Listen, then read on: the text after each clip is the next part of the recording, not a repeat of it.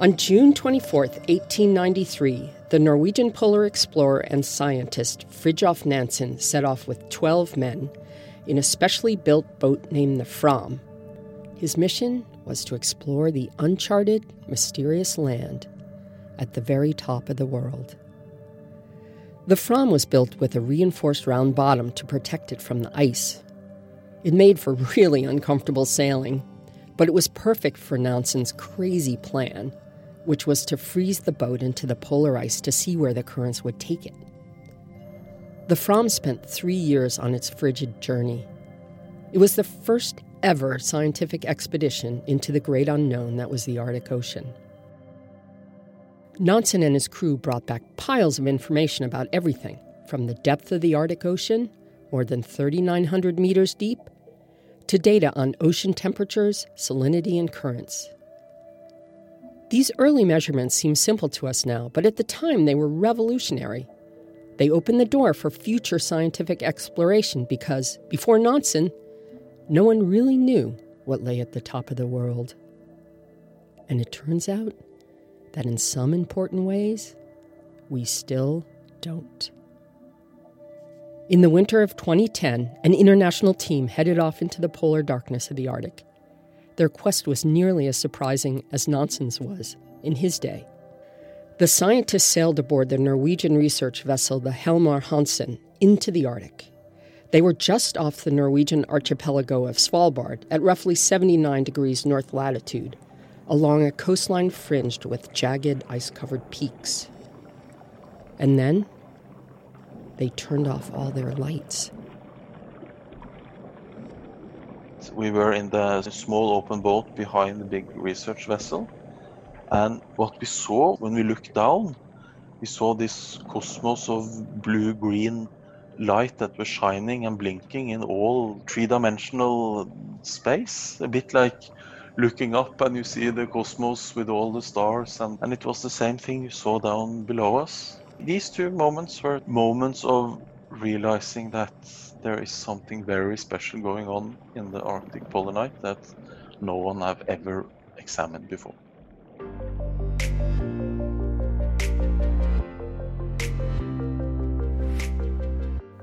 I'm Nancy Bazilchuk, and this is 63 Degrees North, an original podcast from NTNU, the Norwegian University of Science and Technology.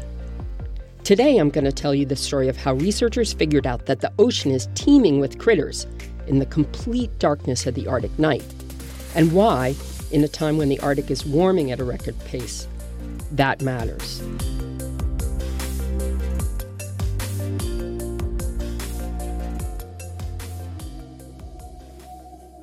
Ten years ago, researchers thought most Arctic marine life lay dormant in the winter's dark.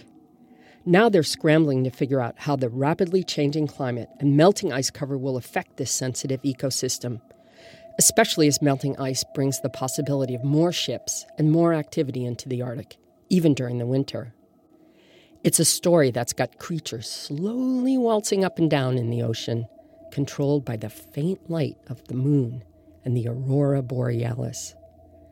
Glowing zooplankton floating in the water, lighting up like Christmas trees.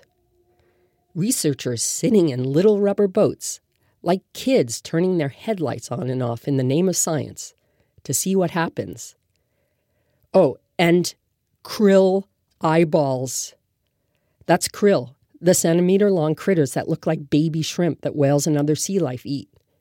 One researcher figured out how to get krill to swim in place so he could measure how much light, or actually how little, the krill eyeballs could detect. And like many things in science, it started with an accident.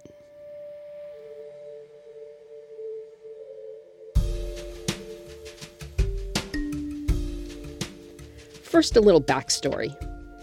The Fourth International Polar Year started in 2007. This was an effort where lots of nations pledged to do a ton of research in the Arctic and the Antarctic.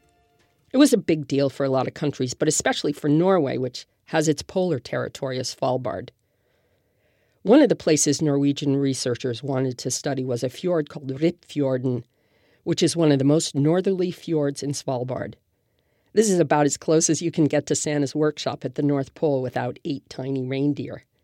Uh, the start of this was that we deployed an observatory in, uh, first of all, Rijpfjorden, and that was through a project, part of the International Polar Year, where we wanted to study the, the impact of sun and a declining ice cover. That's Jørgen Berge, a polar marine biologist who has a dual appointment at UiT, the Arctic University of Norway, and NTNU. He and NTNU marine biologist Geir Johnsen have been studying marine life during the polar night together for more than a decade. So it was sort of intended for the spring period. But in doing so, this is ice covered fjord, we had to deploy the observatory in the autumn. So by almost as an accident or a um, byproduct, it was recording also during the winter and the polar night. When we then went back in the autumn of 2007 and brought back the observatory and downloaded all the data, we almost immediately saw that during the darkest months, December, January, there were much, much more activity on the echo sounder than what we had dreamt of. This was the first time that we realized that something is going on during the polar night. Until then, everyone, including us, had just assumed and accepted as a fact that during the polar night nothing is happening.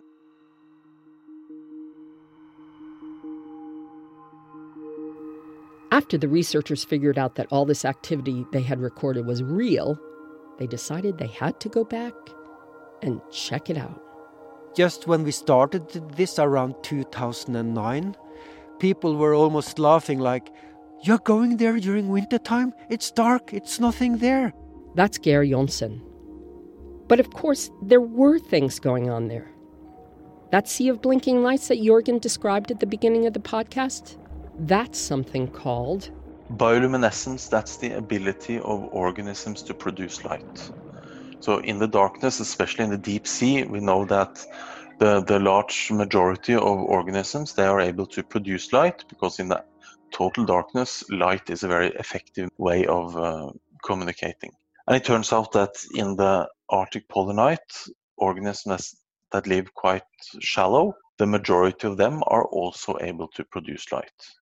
And not only do these creatures make light. So we're interested in a range of behaviours. Um, the one that I'm mostly interested in is called diel vertical migration. I'm Dr. Laura Hobbs. Um, I'm a zooplankton ecologist working at the Scottish Association for Marine Science and the University of Strathclyde.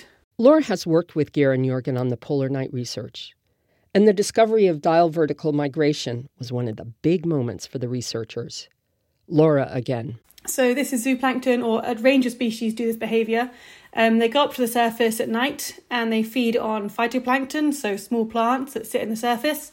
And then as the sun rises, not during the polar night, of course, they sink down to depth to hide from visual predators. So things like fish or bigger, bigger zooplankton that will be able to see them. And then the sun sets and they go back up to the surface again. And this happens every single day or all latitudes. So it's diel vertical migration, this sort of daily vertical movement. Obviously, in the polar night, we didn't expect this to happen. Um, there's no solar cycle, and so it was kind of expected that everything was asleep or in hibernation during this period. But we do see really strong signals of DVM occurring right throughout the winter. And so, even at these really low light levels, these light mediated behaviours are still happening. So, actually, when it's for us humans, it's pitch dark during the polar night then the diffuse light of the sun that is far below the horizon, so for us totally dark, but it's enough photons for these organisms to react to it. By now, you may be saying, why are these scientists so excited about seeing little plankton waltz up and down in the water in the dark of the polar night? Well, the marine phytoplankton produce about 50% of the oxygen that we breathe on Earth. That's Geir Johnsen again. Oxygen. That's pretty important. We don't want to mess with that too much.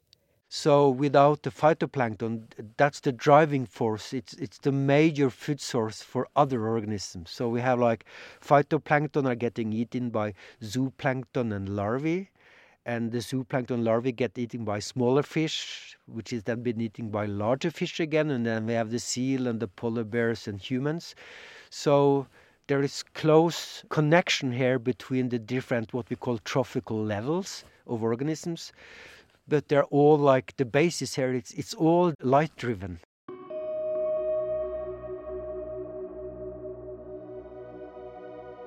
Okay, quick recap. Climate change is melting Arctic sea ice.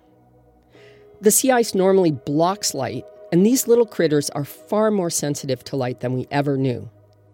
That means they're much more at risk of being affected by light pollution.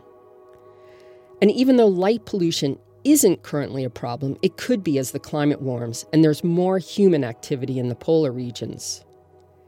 What does that mean for the whole food chain that Gerard just described over the long run? The problem is, researchers really don't know yet. But there is one last big thing that they do know is a problem Here's when the researchers sitting in little boats with flashlights come in. Geir again. So we were sitting just in a rubber boat, a Zodiac, in the polar night, pitch dark. And then we, we started to measure the zooplankton and larvae in the water column. So that was like ambient natural light conditions. To do things in the boat, it's pitch dark. So for us as humans, we then need to use artificial lamp, like a torch, to see. And then we started like, wouldn't it be cool just to play with the light down in, into the water and see what happens?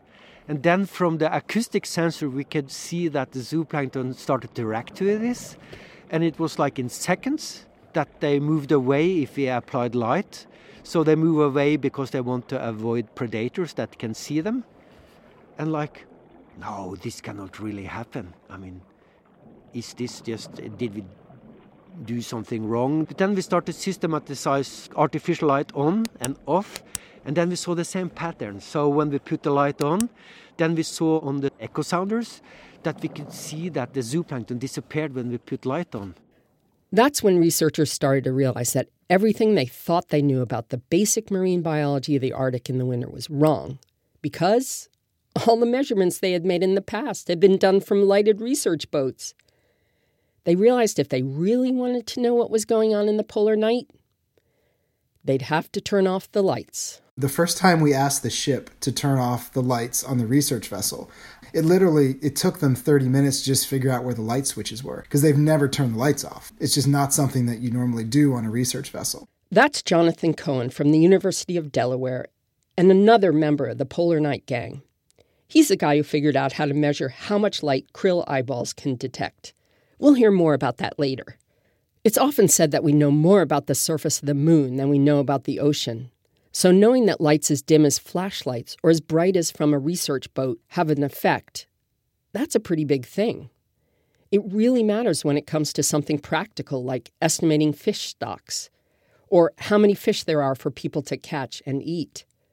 Geir again. For instance, herring. I mean, everyone knows the fish herring and uh, herring uh, get attracted by light. You can actually at nighttime you can attract herring by using artificial light to catch them, and uh, that's now basically forbidden. So we can lure organisms towards the light source or away from it. So by going into these environments with a research vessel that is fully lit, it's quite obvious that it will affect the organisms. Jørgen Berge, the, the real surprise here is how much they are affected and that they can be affected. So far, we had doc documented a clear effect down to at least 200 meters depth, which is quite significant. We have also been able to run experiments with a research vessel where we have moved and done sort of simulated stock uh, estimations uh, using echo sounders with lights on and off, and we clearly show that you, the results are different when the lights are turned off.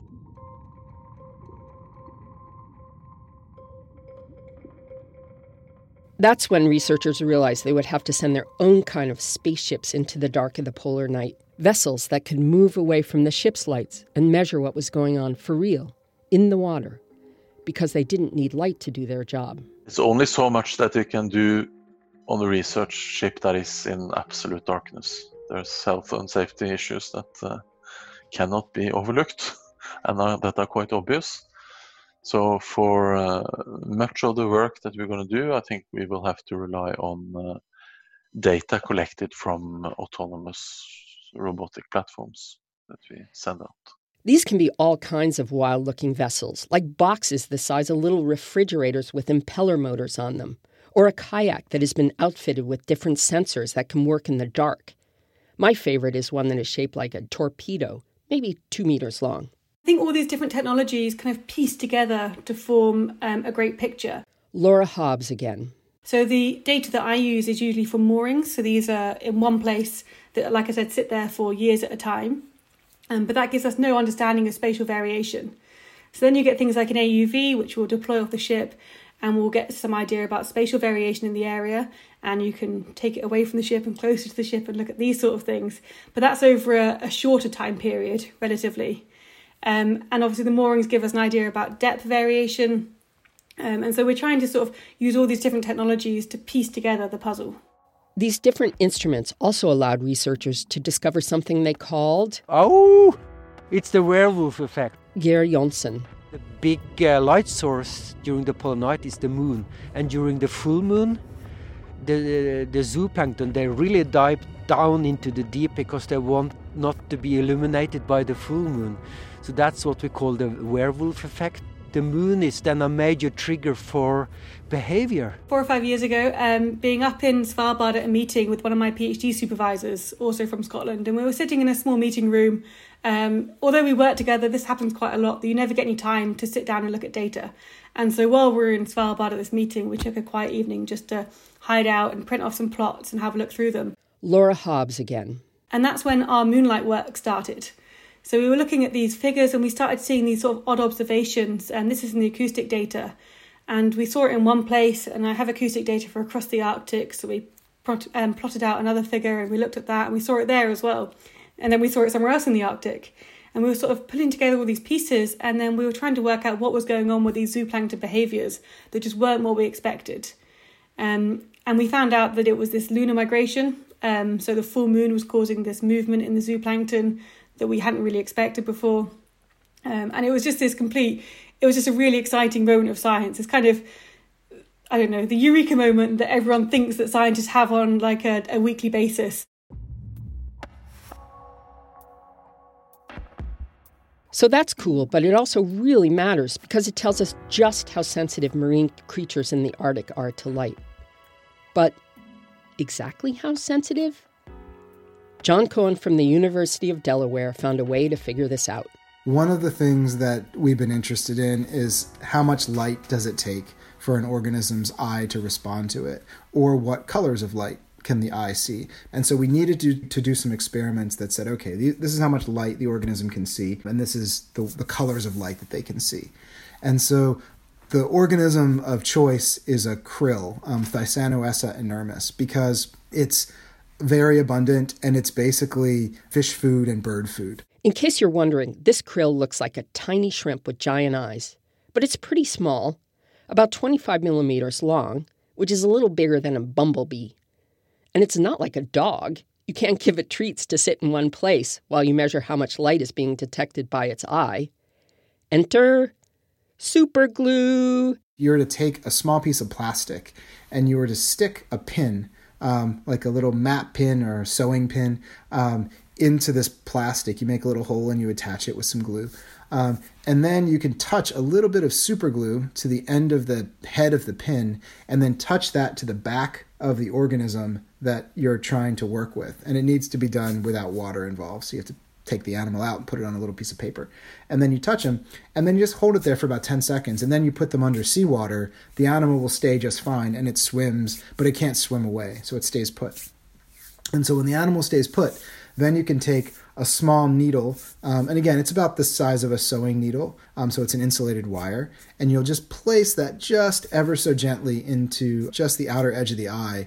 And what that does is because the eye and the, the nerve cells that are within the eye work by passing electrical currents. And that's how they how they send signals. We're able with that little needle to measure those currents.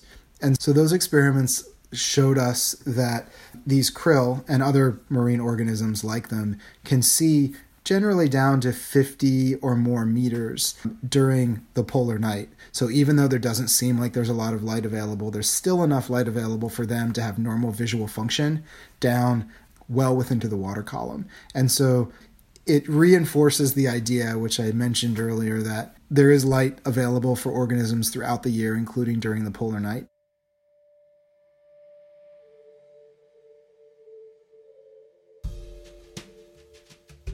And the researchers also found out that light levels are 100 million times lower during the polar night than they are during the Arctic summer.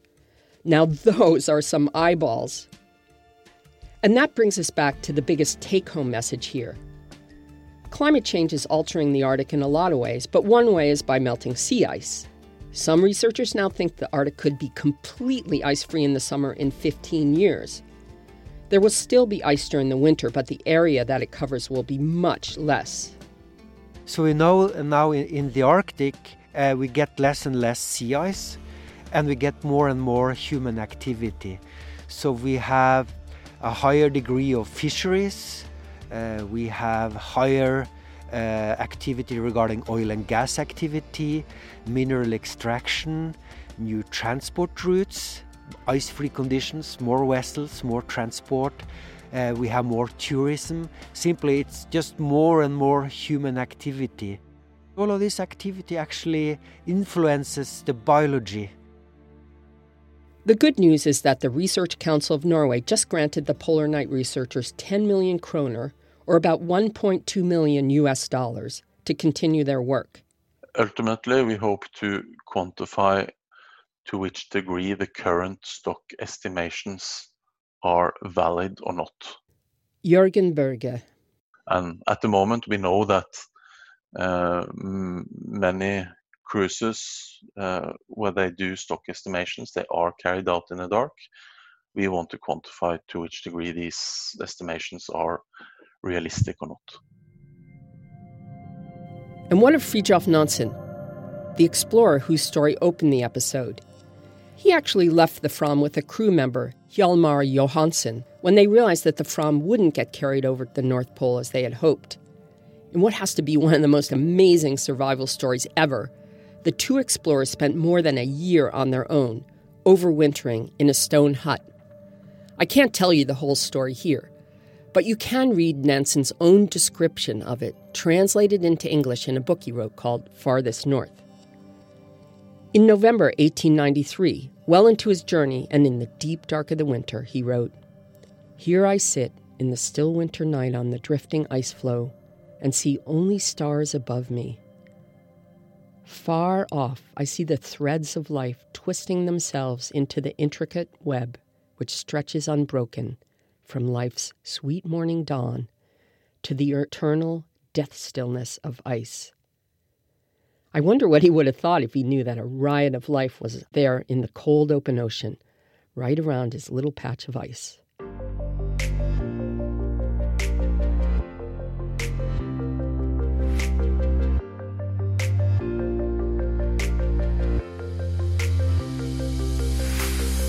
I'm Nancy Bazilchuk, and you've been listening to 63 Degrees North, an original podcast from the Norwegian University of Science and Technology.